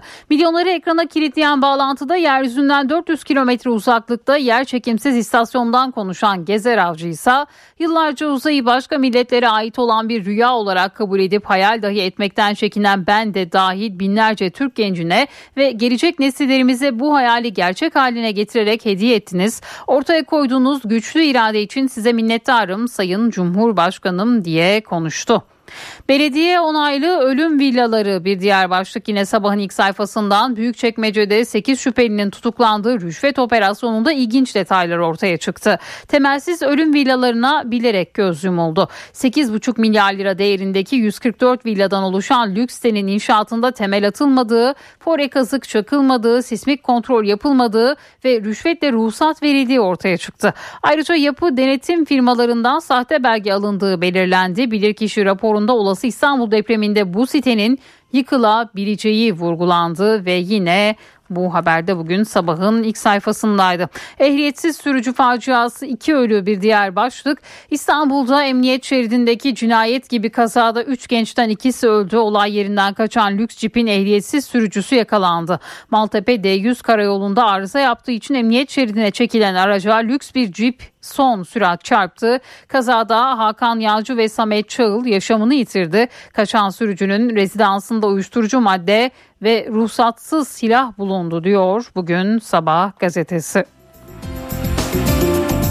Hürriyet'in manşeti o cesetlerin sırrı çözüldü. Antalya sahillerinde 8, Muğla'da 1, Hatay'da 3 ve Kuzey Kıbrıs Türk Cumhuriyeti'nde 2 parçalanmış ceset bulunması seri katil ve göçmen faciası mı tartışmasına yol açtı. Hürriyet'e konuşan Antalya valisi Hulusi Şahin cesetlerin 7'sindeki ayakkabı ve kıyafetlerin üretim yeri Suriye dedi. Partiye de sürpriz yaptığı bir diğer başlık hürriyetten Selahattin Demirtaş'ın eşi Başak Demirtaş'ın partimiz uygun görürse İstanbul'dan DEM Parti adayı olabilirim açıklaması gündem yarattı. DEM Parti Grup Başkan Vekili Sesai Temelli benim için sürpriz oldu. Başvuru yaparsa seviniriz değerlendiririz dedi. Özel'den Demirtaş açıklaması yine bir diğer başlık. CHP lideri Özel Demirtaş'ın İstanbul'da aday olabilirim sözlerini değerlendirdi. Her vatandaşın en doğal hakkı bu hakkı kullanmaya ilişkin irade beyanına herkes saygı duymalı dedi ve yine bu haberde bugün Hürriyet gazetesindeydi. Tetiği çeken 4 kişiye müebbet bir diğer başlık sunucu Ece Erken'in avukat eşi Şafak Mahmut Yazıcıoğlu'nun öldürülmesiyle ilgili davada karar çıktı. Direş Ali lakabıyla tanınan Ali Yasak'ın yeğenleri Kadir Yasak ve Ali Yasak'la beraberindeki iki kişiye müebbet hapis cezası verildi. Mahkeme cezalarda indirim yapmadı diyor Hürriyet bugün. Milliyetin manşeti devamı gelecek. Gezer Avcı'nın ISS'ten ilk görüşmesini gerçekleştirdiği Cumhurbaşkanı Erdoğan ilk astronotumuz oldun ama son olmayacaksın dedi. Milliyet gazetesi de bu görüşmeyi manşete taşıdı. Komando kar tipi dinlemiyor bir diğer başlık. Milli Savunma Bakanlığı sosyal medya hesaplarında komandoların zorlu kış şartlarında kar tipi altında dağ zirvelerinde yürüttüğü terörle mücadele operasyonlarından görüntü paylaşıp durmadan yorulmadan Kahraman Mehmetçik en zorlu şartlarda en zorlu arazilerde terörle mücadelesine büyük bir azim ve kararlılıkla devam ediyor notunu düştü. CHP'de kritik cuma bir diğer başlık CHP Parti Meclisi'nin yeni belediye başkan adaylarını tespit için cuma günü toplanması ve bu toplantıda Antalya ve Muğla adaylarının netleştirilmesi bekleniyor. AK Parti'nin Muğla Büyükşehir Belediye Başkan adayı olarak Aydın Ayaydın açıklamasının ardından CHP'nin Muğla için yeni bir anket yaptırdığı kulislerde konuşuluyor deniliyor. Bugün Milliyet gazetesinde. MHP'de ilk miting Mersin'de bir diğer başlık. MHP 31 Mart yerel seçimleri için miting maratonuna başlıyor. Parti Cumhur Bizim Türkiye Hepimizin sloganıyla ilk mitingini son Osmanlı Mebusan Meclisi'nde misak-ı milli kararlarının alındığı 28 Ocak 1920'nin yıl dönümünde Mersin'de gerçekleştirecek. MHP Genel Başkan Yardımcısı Yalçın misak-ı milliye bağlılık namus borcudur diye konuştu ve yine bu haberde bugün Milliyet'in ilk sayfasında yer buldu. Ölüye mesaj atmak acıyı hafifletiyor bir diğer başlık. İngiltere'nin ünlü psikologlarından Doktor Sherry Jacobson insanların ölen sevdiklerine mesaj atmasının üzüntüyü hafifletmede faydalı olduğunu söyledi. Ölen yakınlarına ve arkadaşlarına WhatsApp'tan mesaj gönderen birçok kişiyle karşılaştığını belirten Jacobson mesaj göndererek mezar ziyaret e, mesaj göndermek mezar ziyareti gibi diye konuştu. Yeni Şafak'ın manşetinde yeni CHP 3 parça başlığını görüyoruz. 28 Mayıs seçimlerinin ardından Kılıçdaroğlu İmamoğlu çekişmesine sahne olan CHP Özgür Özel'in genel başkanlığıyla 3 parçaya bölündü. Özel belediye başkanlarının seçimi konusunda İmamoğlu'nun yanı sıra Kılıçdaroğlu'yla da rekabet ediyor. Son çatışma alanı CHP'nin Ankara'daki kalesi Çankaya deniliyor ve bu haberde Yeni Şafak'ın manşetinde yer buluyor.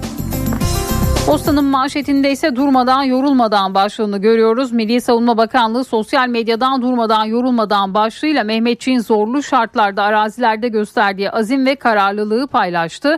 Eksi 20 derecede 4-5 metre karın altında sınırları koruyan askerlerimizin fedakarlığını gözler önüne serdi diyor bugün Posta gazetesi. 6 günde 9 ceset yine bir diğer başlık Antalya sahillerinde son 5 günde 6 cansız beden vurmuştu. Dün de Serik'te bir otelin kumsalında 2 ceset bulunmasıyla sayı 8'e ulaştı. Bazı uzuvları eksik bir ceset de Muğla'nın Köyceğiz sahiline vurdu. Cesetlerden 7'sinin üzerindeki kıyafetlerin Suriye'de üretildiği tespit edildi. Antalya'daki cesetlerden birinin 4 Ocak'ta kaybolan üniversiteli Merve Şevval Elmas'a ait olduğu belirlendi deniliyor. Bugün bu haberde postanın ilk sayfasında yer buluyor. Bir de diğer başlık baklavanın kilosu 850 lira.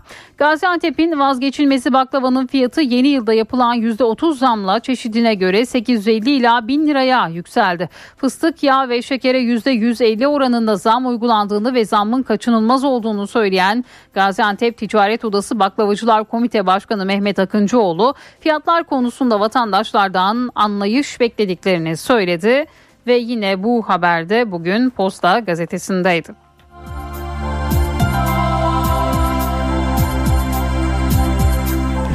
Cumhuriyetle devam ediyoruz. Satış hızlandı manşetini atıyor bugün Cumhuriyet gazetesi. AKP'li belediyelere ait arsa satış ilanları resmi gazetede peş peşe yayınlanmaya başlandı.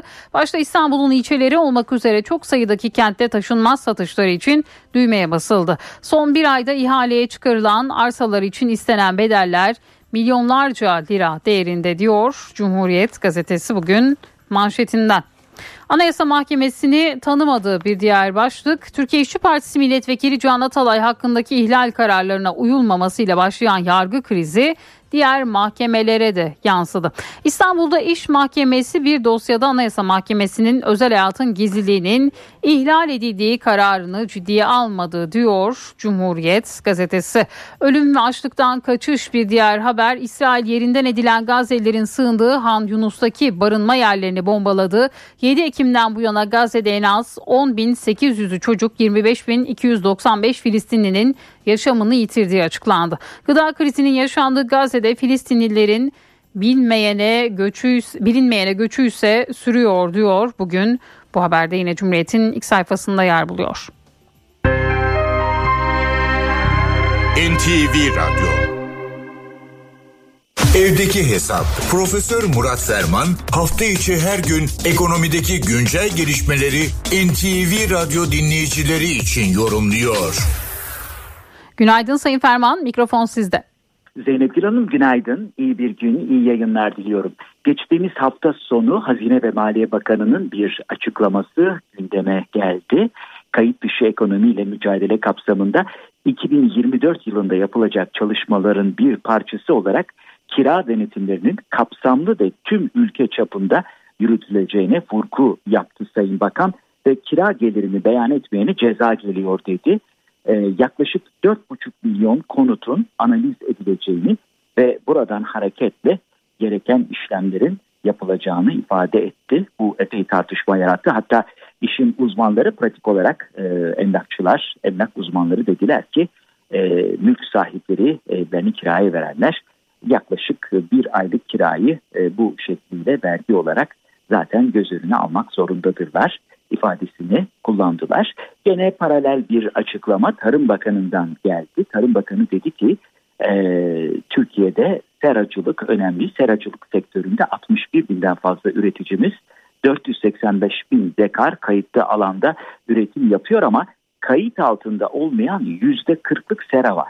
Yani neredeyse yarısı kayıt dışı çiftçi kayıt sisteminde veya bakanlığın kayıt sisteminde değişiklikler yaparak kayıt altına alınmasını sağlamaya çalışıyoruz. Bilmediğiniz, analiz edemediğiniz şeyi ölçemezsiniz. Yüzde 40 da az bir rakam değil, bunun üzerinde durmaya devam edeceğiz dedi. Evet, bu iki haberden hareketle kayıt dışılık tekrar elbette gündeme geldi. Aslında ne zaman gündemde değildi ki hayatımızın vazgeçilmez bir parçası. Kayıt dışı ekonomi aslında tüm ekonomiler bakımından e, ka, normal kabul edilen tıpkı hastalık gibi tıpkı belirli e, sıkıntıların e, veya işte e, felaketlerin belirli zamanlarda olması, sigorta şirketlerinin bunun üzerinden risk hesaplaması gibi hayatın doğal bir parçası. Ama bu kayıt dışının e, elbette belirli bir şekilde en azından önce tespit edilmesi, durumun, zararın, tahribatın görülmesi sonra bunu giderecek e, işlere kalkışılması lazım. Tabii bu konuda Türkiye'nin durumu e, pek e, iç açıcı değil, kolay da değil. Bir kere kayıt dışı ekonomiyle ilgili çalışmaların sayısı hani e, biz öğrenci dediği zaman buna çok kızarız ama hadi ben de kullanayım affınıza sığınarak yok denecek kadar az. Neden? E, çünkü bu hassas bir konu. Kayıt dışı deyince genellikle e, kayıt dışının e, önemli bir kısmını oluşturan suç ve suça bağlı kayıt e, gelirler de ortaya çıkıyor ama aslında kayıt dışı ekonomi sadece bundan ibaret değil. Kayıt dışı ekonomi eve gelen e, e, ustaya e, elden para vermeniz, kayıt dışı ekonomi e, öğretmen ders ücretini zarf içinde vermeniz, kayıt dışı ekonomi hayatın her yerinde. Yani sadece e, böyle bir e, belirli tiplerin veya kriminallerin elde ettiği gelir olarak düşünmeyelim. Tam tersine kayıt dışı ekonomi maalesef enflasyonla beslenen, enflasyondan can ve kan alan bir yapı. Bakımdan kayıt dışı ekonomi e, sadece böyle e, e, e, dediğimiz gibi e, illegal e, faaliyetlerden kaynaklanmıyor. Hatta biraz zorlanırsa kayıt dışı ekonomi mesela e, köyden, memleketten tayin pekmez gelmesine kadar gider. Yani kayıt altına alınmayan her türlü gelir iradı aslında bu çerçeve içinde değerlendirilir. Hal böyle olunca biz biraz işi sulandırmak veya görmezden gelmeyi tercih ediyoruz. Çünkü itiraf edelim yani hani e, bu enflasyon ortamında kayıt dışı ekonominin çok da üstüne gidilirse ne gibi yan etkilerinin veya majör etkilerinin olacağını herhalde herkesten evvel siyasetçiler düşünüyorlar. E, ama kayıt dışı ekonomide böyle hani kendi kendini besleyen bir e, adeta mekanizma e, üstüne gitmedikçe tekrar geride kalıyor. Peki nasıl mücadele edilir? Bunlardan bir tanesi tabii kayda geçirmek ekonomiyi, bütün ekonomik alışverişlerin, transaksiyonların kayıt altına alınması. Bu da e, cash yani nakit e, alışverişin belirli sınırlara getirilmesi. Avrupa Birliği'nde yeni bir e, düzenleme yapıldı. 10 bin avronun altında nakit ödeme üstünde düzeltiyorum. Nakit ödeme yapılamayacak, kabul edilemeyecek. E, Türkiye'de de bu sabahki bir haber ilgimi çekti. Onunla kapatayım. 200 TL'lik banknotlar piyasayı ele geçirdi. biliyorsunuz ısrarla e, 200 liranın üzerinde banknot basılmıyor. Böylece bu tür alışverişlerde mesela emlak alışverişlerinde böyle çantalarla gezen bir sürü tip görüyoruz tapu dairelerinde. Ama netice itibariyle hani 200 liranın üstüne basmam e, bu şekilde kayıt altına alır meselesi de e, kulağa ters taraftan göstermek gibi daha kapsamlı ve köklü duruşlara ihtiyaç var söz kayıt dışı ekonomi olduğunda. Bu genel değerlendirme çerçevesinde değerli dinleyenlerimize katma değeri yüksek ve yüksek katma değerli bir gün diliyor. Huzurlarınızdan hürmetlerle ayrılıyorum. Profesör Murat Ferman'la evdeki hesap sona erdi. Kaçırdığınız bölümleri www.ntvradio.com.tr adresinden dinleyebilirsiniz. Dünya markası Bras çatı sistemleri finans bültenini sunar.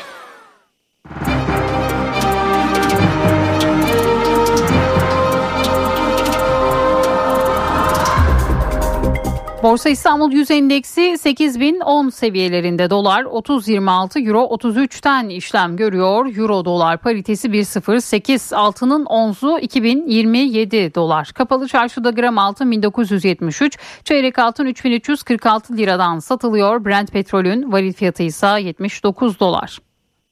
Dünya markası Bras çatı sistemleri finans bültenini sundu. Benzersiz duvarlar artık hayal değil. Sandeko Boya hava durumunu sunar. Soğuk hava ülkede en az 10 gün daha kalacak. Kar doğuda devam ediyor. Bugün İstanbul güneşli 8, Bursa 9, İzmir 12 derece. İzmir'de rüzgar hala kuvvetli esiyor. Ankara'da sıcaklık öğle 4, gece eksi 4 derece. Antalya ise biraz bulutlu 19 derece olacak bugün. Eşsiz boya, eşsiz mekanlar. Sandeko Boya hava durumunu sundu. Türkiye'nin lider araç takip sistemi Arvento'nun sunduğu işe giderken devam edecek. Reklam Emekli maaşını İNG'ye taşıyanlara 15.000 TL'ye varan nakit promosyon fırsatı. Siz de emekli maaşınızı cebimdeki danışmanla görüntülü görüşerek İNG'ye taşıyın, hemen kazanın. Sonuçta İNG kalıpların dışında, hayatın içinde. Senin yanında. Detaylar ing.com.tr'de. Bu Ocak'ta herkes onun peşinde. Geleceğin otomobili Lexus RX Hibrit'te 2023 fırsatları devam ediyor. 371 beygir gücüyle güçlü hibrit performansı, hibrit ve şarj edilebilir plug-in hibrit seçeneğiyle Lexus RX'e sahip olmanın tam zamanı. Detaylı bilgi Lexus showroomlarında. %60'a varan indirimlerle her eve Grohe. Gerçek 122 bin metrekarelik kocaman bir parkın tam yanında. Burası Majör Gölyaka. Burada her şey tam da istediğiniz gibi. Üstelik %10 peşinat ve tam 60 ay vade fırsatı ile. Emlak konut güvencesi, Cevahir Yapı deneyimiyle. Rahatsa, şıksa, farklıysa Ersa, Ersa. Hem ev hem ofis mobilyası. Benzersiz çözümler Ersa showroomlarında ve web sitesinde sizi bekliyor. Ersa. EDM'den mali müşavirlere çok özel hediyeler. Mükelleflerinizin tüm mütabakatlarını tek ekrandan gönderin, yönetin. Daha fazlası edmbilişim.com.tr'de. Tatil bitmeden gel. Jolly'de indirim ve fırsatlar varken gel. Kış tatilinin tam zamanı. %50'ye varan indirimler ve bonusa özel fırsatlar Jolly'de. Detaylar jollytour.com 444 0644 ve acentelerimizde. Doya doya Jolly ile tatile hadi. Çok güzel bir tatil bu hadi. Tekrar tekrar gidelim diyeceğim. Çok çok Jolly bir tatil bu hadi. Küçük bir yatırımı büyük bir kazanca dönüştürmek için doğru sistemi seçin. Araç takipte liderlerin tercihi Mobiliz. Mobiliz. Araç takipte. Yarın ne olacağını bilemeyiz. En iyisi Neova'ya kasko yaptırın, yüzünüz hep gülsün. Neova, sigorta. Aman ihmal etmeyin.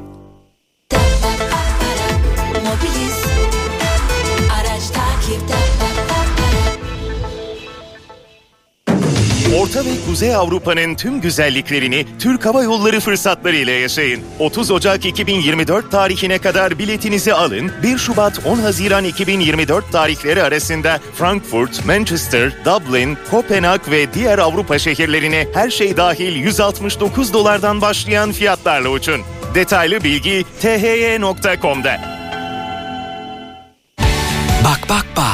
TEP kredi kartları MTV ödemelerini taksitlendiriyor. Kolay kolay ödeme fırsatı sunuyor. Siz de motorlu taşıtlar vergisi ödemelerinizi 31 Ocağı kadar TEP kredi kartlarıyla cepte TEP mobil veya internet şubesinden yapın. Ücretsiz 4 taksit fırsatından yararlanın. Ya da TEP ATM'lerinden veya Gip.gov.tr'den yapın. 3 taksite varan ödeme kolaylığını kaçırmayın. Detaylı bilgi cepte TEP mobil ve tep.com.tr'de. Bak bak bak. Tabe bak. ETS ile tatil keyfi maksimumda. Maksimum kart özel fırsatlarla hayalini kurduğun o tatile bu yaz da ETS ile gidilecek. Fırsatlar hakkında detaylı bilgi etstur.com'da. O tatile gidilecek ETS. Reklam. Araç takipte liderlerin tercihi Mobiliz risk haritasını sunar. Soğuk hava yurt genelinde etkili oluyor. İç ve doğu illerinde karara verdi. Don ve buzlanma yaşamı zorlaştırabilir. Diğer bölgelerde Poyraz çok üşütecek. Soğuk algınlığı riski yüksek. Tedbirli olunmalı. Araç takipte liderlerin tercihi Mobiliz risk haritasını sundu. Götürür. Yiğit Akü yol durumunu sunar. Karayolları Genel Müdürlüğü duyurdu. Beyşehir Isparta yolunun 25-44. kilometrelerinde ve Aydın Denizli yolunun 8-10. kilometrelerinde yol bakım çalışmaları yapıldığından ulaşım kontrollü olarak sağlanıyor. Sürücüler dikkatli seyretmeli. Yiğit Akü yol durumunu sundu. Doğa takvimi. Bugün 23 Ocak 2024 Salı. NTV Radyo iyi günler diler.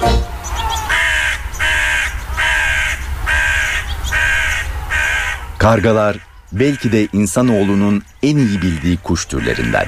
Peki neden? Bu sorunun cevabı için NTV Radyo'nun Şehir Kuşçusu programından Kerem Ali Boyla'ya kulak verelim. Birincisi büyükler ve siyahlar. İkincisi cesurlar ve hep ortalıktalar. Bulundukları yerlerde öne çıkıyorlar. Üçüncüsü bet sesleri ve kalın sesleri çok sık duyuluyor. Ve sonuncusu şu.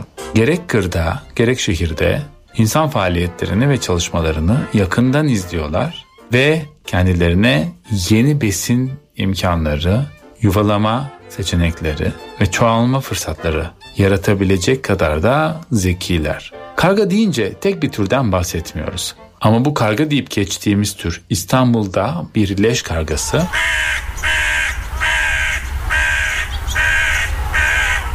İzmir veya Bursa'da bir küçük karga Erzurum'da ise bir ekin kargası olabilir. Leş kargası belki de en azından İstanbul'da en çok gördüğümüz türlerin başında geliyor.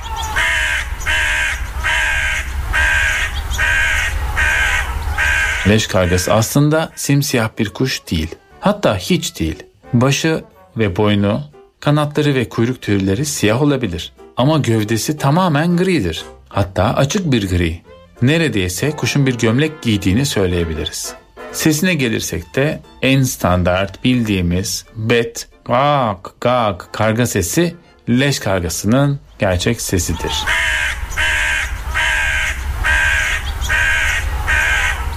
Leş kargası kozmopolit yaşama en iyi uyum sağlamış karga türümüzdür. Tüm büyük şehirlerde ağaçlandırma faaliyetleri sayesinde en kurak bölgelerde bile olsa çınarlar, serviler ve envai çeşit diğer türler şehirlerimizi yeşillendirir. İşte leş kargası da tek ihtiyacı olan yeşil olan ağaca bu şekilde bu ihtiyacını karşılar. Çünkü yuvalamak için yaşlı ve büyük bir ağaca ihtiyacı olur. Ama geri kalan koşulları son derece çevreye uyum sağlayacak şekilde geliştirmiştir. Yani çevrenin tamamen beton olması onun için bir sıkıntı doğurmaz.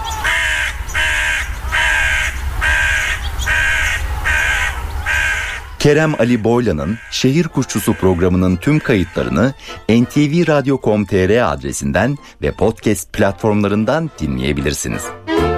Doğa takvimi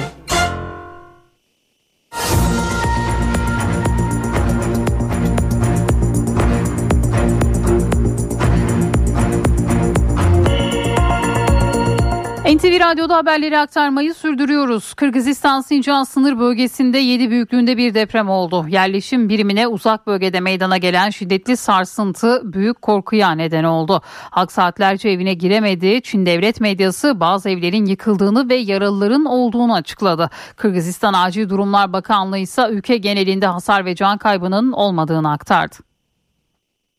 Çin'e bağlı Sincan Özerk bölgesi 7 büyüklüğünde depremle sarsıldı. Amerikan Jeolojik Araştırmalar Merkezi'nin verilerine göre sarsıntı yerel saatte 00.09'da meydana geldi. 13 kilometre derinlikte olan deprem çevre ülkelerde de hissedildi. Çin devlet medyası 800 kişilik arama kurtarma ekibinin alarm durumuna geçtiğini duyurdu. Yıkılan evler ve yaralananlar oldu. Ev ve iş yerlerinden yansıyan görüntüler depremin şiddetini ortaya koydu. 7 büyüklüğündeki depremden sonra onlarca artçı sarsıntı meydana geldi. Sincan Özerk bölgesinde eksi derecelerdeki havaya rağmen halk geceyi sokakta geçirdi. Depremin merkez üssüne 20 kilometre mesafede 5 köyün olduğu belirtildi. Bölgeye uzun süre elektrik verilemedi. Ulaşımda da aksamalar oldu. Deprem nedeniyle raylarda hasar gördü. Demiryolu ulaşımı yapılamadı. Kazakistan ve Kırgızistan'da da deprem paniğe neden oldu. Ancak bu iki ülkede de herhangi bir hasar veya can kaybı ihbarı yapılmadı. AK Parti sözcüsü Ömer Çelik de Çin'e bağlı Sincan Özerk bölgesinde meydana gelen 7 büyüklüğündeki depremden sonra geçmiş olsun mesajını paylaştı. Çelik sosyal medya paylaşımında kardeş ülkelere ve soydaşlarımıza geçmiş olsun ifadesini kullandı. Kırgızistan, Kazakistan ve Özbekistan'ı da etkileyen depremde herhangi bir can kaybının olmaması temennisinde bulundu. Depremden etkilenen tüm soydaşlarımıza ve kardeş ülkelere geçmiş olsun dileklerimizi iletiyoruz dedi. İsrail tüm rehinelerin serbest bırakılması karşılığında Hamas'a Gazze'de iki aylık geçici ateşkes önerdi. Hamas teklifi kalıcı ateşkes istiyoruz diyerek reddetti. Teklif Hamas'a Mısır ve Katarlı arabulucular aracılığıyla iletildi ancak Hamas yetkililerine göre resmi teklif ulaşmadı. Hamas'ın medya sorumlusu Hamas daimi ateşkes istiyor, sınırlı teklifleri reddediyor dedi. Amerika Birleşik Devletleri ve İngiltere bir kez daha Yemen'de İran destekli Husi hedeflerini vurdu. Yapılan ortak açıklamada gerekli önlemleri almaktan çekinmeyeceğiz denildi. Husilere ait vurulan noktalarda radar ve hava savunma sistemlerinin olduğu belirtildi. Meclis Genel Kurulu bu hafta ilk toplantısını bugün yapacak. İsveç'in NATO üyeliğinin onaylanmasına ilişkin protokolün bu oturumda ele alınması ihtimali var. Ancak Genel Kurulda öncelikli olarak emeklilere ek zam yapılmasını da içeren çalışma hayatına ilişkin kanun teklifinin görüşülmesi bekleniyor. Protokolün kabul edilmesi için genel kurula katılan milletvekillerinin salt çoğunluğunun oyu gerekiyor. 26 Aralık'ta Meclis Dışişleri Komisyonu'nda yapılan oylamada protokole AK Parti, CHP ve MHP evet oyu verdi. İyi Parti ve Saadet Partisi hayır oyu kullandı. Dem Parti ise oylamaya katılmadı. NTV Radyo Cumhurbaşkanı Recep Tayyip Erdoğan Uluslararası Uzay İstasyonu'nda görevini sürdüren ilk Türk astronot Alper Gezer Avcı ile görüştü. Gezer Avcı'nın 40 saat süren uzay yolculuğu ve istasyonda yaptığı çalışmalara ilişkin bilgi aldı. Uzay çalışmalarında da artık yeni bir dönemin kapısını araladık. Nasılsın? Her şey yolunda mı? Çok şükür gayet iyiyim. Bayrağımızı Uluslararası Uzay İstasyonu'nda taşımanın gururunu yaşıyorum. Buradaki ortamın dünyadan en önemli farkı yer çekiminin yokluğu diyebilirim. Mikro yer çekiminde istasyonun içinde havada bir kuş misali özgürce hareket edebiliyoruz. Tabiri caizse kanatsız uçabiliyoruz. Cumhurbaşkanı Recep Tayyip Erdoğan, dünyaya yaklaşık 400 kilometre mesafede Uluslararası Uzay İstasyonu'nda görevini sürdüren ilk Türk astronot Alper Gezer Avcı ile görüştü. Bu kez pilot olarak çıktığın irtifadan çok daha öteye geçtin. Eminim zorlu bir yolculuk tecrübesi yaşadın. Öncelikle yolculuğun ilk kısmının amacı dünyanın yer çekimine maruz kaldığımız alt atmosfer bölümünü aşarak uzaya ulaşmaktı. Bu kısım yaklaşık 10 dakika sürdü. Yolculuğumuzun en riskli ve fiziksel olarak da en zorlayıcı kısmı buydu aslında. Erdoğan Gezer Avcı'ya yer çekimsiz ortamda yaşadıklarını da sordu. Bu durum seni nasıl etkiliyor? Bazı belirgin değişiklikleri hemen e, hissetmeye, görmeye başladık. Örneğin burada normalde tüm vücuduma dağılması gereken sıvılar başta kan olmak üzere yer çekimi olmadığı için vücudumun üst kısımlarına doğru birikiyor. Yüz çehrem bu nedenle dünyada olduğundan daha şişkin görünüyor. Cumhurbaşkanı Erdoğan görüşmede uzay çalışmalarının süreceğinin mesajını verdi. Orada çok farklı alanlarda gerçekleştireceğin deneylerin başarıyla tamamlanmasını ümit ediyorum. Sen ilk astronot, astronotumuz oldun ama tabii ki son olmayacaksın. Artık Türkiye'de insanlığı uzay görevi gerçekleştiren sayılı ülkeler arasında yerini aldı. İnşallah bu yolculuğumuz güçlenerek devam edecektir. Sağ olun Sayın Cumhurbaşkanım. İnşallah görevimi başarıyla tamamlayıp sizinle buluşmak ve emanet ettiğiniz al bayrağımızı teslim etmek için sabırsızlanıyorum. Allah'a ısmarladık. CHP'de dün dikkat çekici bir görüşme vardı. Genel Başkan Özgür Özel görevi devraldığı Kemal Kılıçdaroğlu'yla bir araya geldi. Görüşme Çankaya Belediyesi'ne ait Ahlatlı Bel tesislerinde yapıldı. Görüşmede Özel ve Kılıçdaroğlu'nun yerel seçimler başta olmak üzere güncel siyasi konular hakkında fikir alışverişi yaptığı öğrenildi. İki isim son olarak 8 Aralık 2023'te bir araya gelmişti. CHP Genel Başkanı Özgür Özel, Selefi Kılıçdaroğlu'nu Ankara'daki ofisinde ziyaret etmişti. İstanbul Büyükşehir Belediye Başkan adayı Murat Kurum seçim çalışmalarına devam ediyor. Beşiktaş'ta çeşitli ziyaretler gerçekleştiren Kurum, Kanal İstanbul sorularına İstanbul halkı neyi istiyorsa onun istekleri doğrultusunda çalışacağız dedi. Vatandaşımız ne istiyor, nasıl mutlu? Vatandaşlarla, esnafla sohbet etti, hatıra fotoğrafı çektirdi.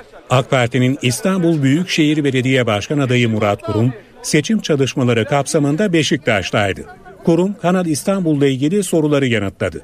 İstanbul'un gündeminde olmayan hiçbir şey bizim gündemimizde olmayacak dedik. Bunu ifade ettik. Ve İstanbul halkı neyi istiyorsa, neyi bekliyorsa biz de hep onların isteği ve dilekleri doğrultusunda çalışacağız. Ve bu beklentileri karşılayacak projeler yapacağız. Kurum Bahçeli Evler'de ise sosyal tesisleri ziyaret etti. İlçedeki çalışmalara değinen kurum, Abdi İpekçi spor salonu inşaatında önemli yol kat edildiğini belirtti. Mevcut yönetim orayı engellemeye çalıştı. Ama biz durmadık tabii ki. İnşaatını bitiriyoruz. Ee, İstanbul'da çok güzel bir basketbol tesisi ama uluslararası turnuvaların yapılabileceği bir tesisi inşallah kazandıracağız. Ee, İstanbul bir olimpiyat şehri olacak. Her mahallesinde spor yapılacak. Çocuklara oyuncak dağıtan kurum, Bahçeli Evler Belediyesi sosyal tesislerini ziyaret edenlere limonata ikram etti. İstanbul Büyükşehir Belediye Başkanı Ekrem İmamoğlu Enstitü İstanbul İSMEK Eğitim Zirvesi açılışına katıldı. İmamoğlu bazı belediye çalışanlarının PKK terör örgütüyle bağlantılı olduğu yönündeki suçlamalara tepki gösterdi. Hizmet koşusunu daha ileriye taşımak e, sorumluluğuna e, sahibiz. Göreve geldikten sonra e, bu anlamda yaptığımız o güçlü ve hızlı koşuyu e, sizlerle büyütmek ve önümüzdeki yıllarda daha yukarılara taşımak istiyoruz. İstanbul Büyükşehir Belediye Başkanı Ekrem İmamoğlu, sanat ve meslek eğitimi kursları zirvesinin açılışını bu sözlerle yaptı. Eğitimler sayesinde istihdama daha fazla katkı yapmayı hedeflediklerini belirtti. Bizim e, eğitimimize gelen insanlar e, kendi kişisel gelişimlerini elbette destekliyor ama bir başka yönüyle bu seviyeye gelen bütün hemşehrilerimizin aynı zamanda para kazandığı ya da bir işe girdiği yani karşılığını bir kazançla evine taşıyabildiği, yuvasına taşıyabildiği bir modele dönüşmesi en büyük arzumuz.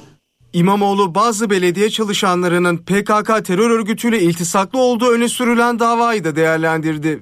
Çalıştırdığımız insanlarımızı, işe aldığımız insanları böyle iltisaklı şeklinde suçlayan, hakkımızda suç duyurusunda bulunan, onlarca müfettişi kurumumuza yollayan akıl bu kurumdan bir tane dahi bir terörist bulamadan geri döndü. Son dönemde kan stokları azaldı ancak lösemi gibi sürekli kan takviyesine ihtiyaç duyulan hastalıklar için kan bağışı kritik öneme sahip. Kızılay'da bu doğrultuda farkındalık oluşturmak için yeni bir kampanya başlattı. Vatandaşları kan vermeye çağırdı. Mesaj geliyor. O mesajlara duyarlı olarak gelip kan vermeye çalışıyorum elimden geldiği kadar. Kış aylarına girilmesiyle birlikte de kan stokları azaldı. Ancak Türkiye'de yılda yaklaşık 3 milyon kan bağışına ihtiyaç duyuluyor. Bu duruma dikkat çekmek için Kızılay birbirimize candan bağlıyız sloganıyla bir kampanya başlattı. Ramazan ayının da kış aylarına denk gelmesi nedeniyle bu daha hissedilir bir e, duruma gelebilir. Bu nedenle şimdiden önlemimizi almak için yeni bir kampanyamız başladı. E, tüm vatandaşlarımızı kan bağışına davet ediyoruz bu kampanyamızda. Kan bağışı hayati önem taşıyor. Özellikle lösemi gibi sürekli kan takviyesine ihtiyaç duyulan hastalıklar için. Ülkemizde günlük olarak 7500 ünite kan kullanılmakta. Yani ortalama 8500 ünite kan toplamak zorundayız biz Kızılay olarak Türkiye'de.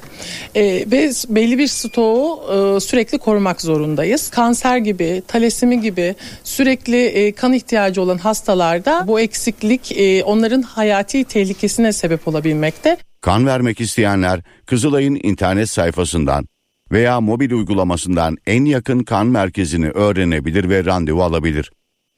Oscar'a geri sayım sürüyor. Adaylıklar açıklanacak. Ödüller 10 Mart'ta sahiplerini bulacak. Tahminler ise çoktan yapılmaya başlandı. Çevrim içi bir bilgi eğlence haber sitesi olan Screen Rant en iyi film dalında aday gösterilebilecek filmleri sıraladı. Aynı gün vizyona giren ve birlikte anılan Barbenheimer mı? Martin Scorsese'nin başyapıtı olarak gösterilen Dolunay Katilleri mi? And now This is Oscar night. Çarşamba günü açıklanacak 96. Oscar adayları için tahminler yapılıyor. We're proud of all our nominees. God forbid anyone should think of this as a competition. best achievement Çevrim içi bir bilgi eğlence haber sitesi olan Screen Rant, 2024 Oscar ödüllerinde en iyi film dalında aday gösterilebilecek filmleri sıraladı.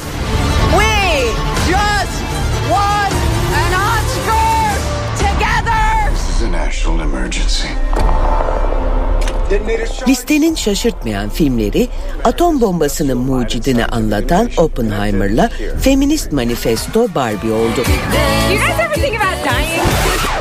Oppenheimer! Oppenheimer'ın en iyi yönetmen ve en iyi erkek oyuncu kategorisinde de aday olacağına kesin gözüyle bakılıyor. Whose land is this? My land. Martin Scorsese imzalı Leonardo DiCaprio, Robert De Niro, Brandon Fraser gibi isimlerin rol aldığı ve Cannes Film Festivali'nde premieri yapılan Dolunay Katilleri, Oscar ödüllerinin en güçlü adaylarından biri olarak sayılıyor. Their time is over. We got to take back control of our home. Oscar'da Hollywood yapımlarının yanı sıra Avrupa filmlerinin de görünür olduğu bir gerçek. Cannes Film Festivali'nde büyük ödül Altın Palmiye'yi kazanan Justine Trier imzalı bir düşüşün anatomisi bir Fransız filmi olmasına rağmen Oscar'ın en iyi film adayları arasında yer alacak gibi görünüyor. Not a monster. I can't stand anymore.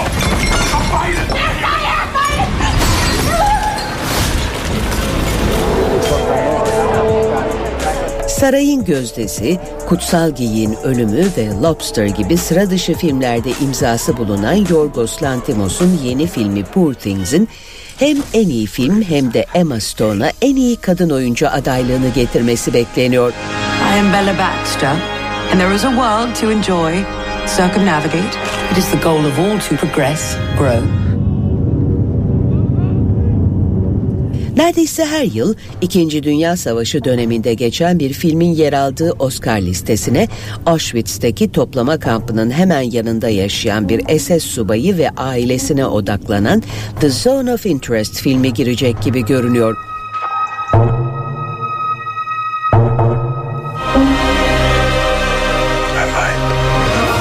Bradley Cooper imzalı Maestro,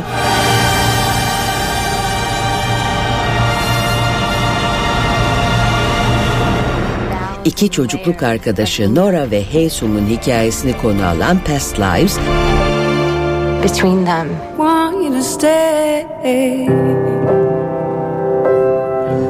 ve Alexander Payne'in yönettiği The Holdovers'da en iyi film adayları arasında. You're gonna get me fired. This is your Rubicon. Do not cross the Rubicon.